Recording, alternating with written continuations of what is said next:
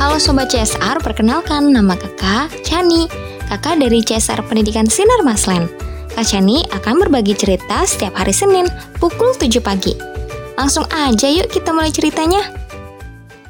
Petani yang baik hati. Suatu hari tinggallah seorang petani yang baik dan murah hati. Pada saat petani itu pergi ke sawahnya, ia menemukan seekor burung pipit yang kakinya patah.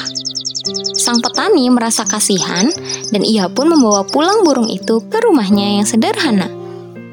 Sang petani langsung mengobati kaki burung tersebut dan setelah beberapa hari ia rawat, burung pipit itu pun ia lepaskan kembali ke alam bebas. Beberapa hari kemudian, pada saat petani itu sedang mengairi sawah dan mencabuti rumput liar, ia didatangi oleh burung pipit kecil yang telah ia tolong. Burung itu membawa tiga buah biji semangka pada paruhnya. Ia memberikan kepada petani itu. Setelah itu burung pun pergi. Petani tersebut sangat berterima kasih kepada burung pipit. Besoknya sang petani menanam biji-biji semangka itu di dekat rumahnya.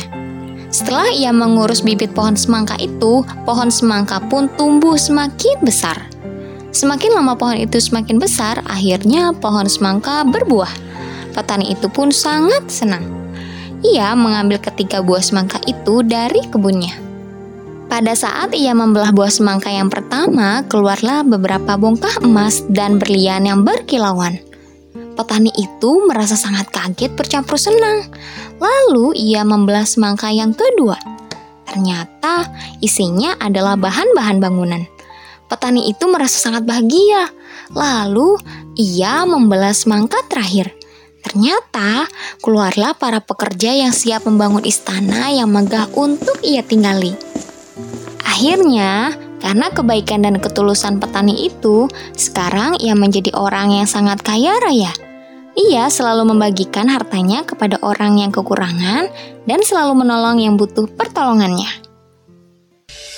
Nah, adik-adik, dari cerita kacani tersebut, satu, pesan moral apa yang bisa kita dapatkan?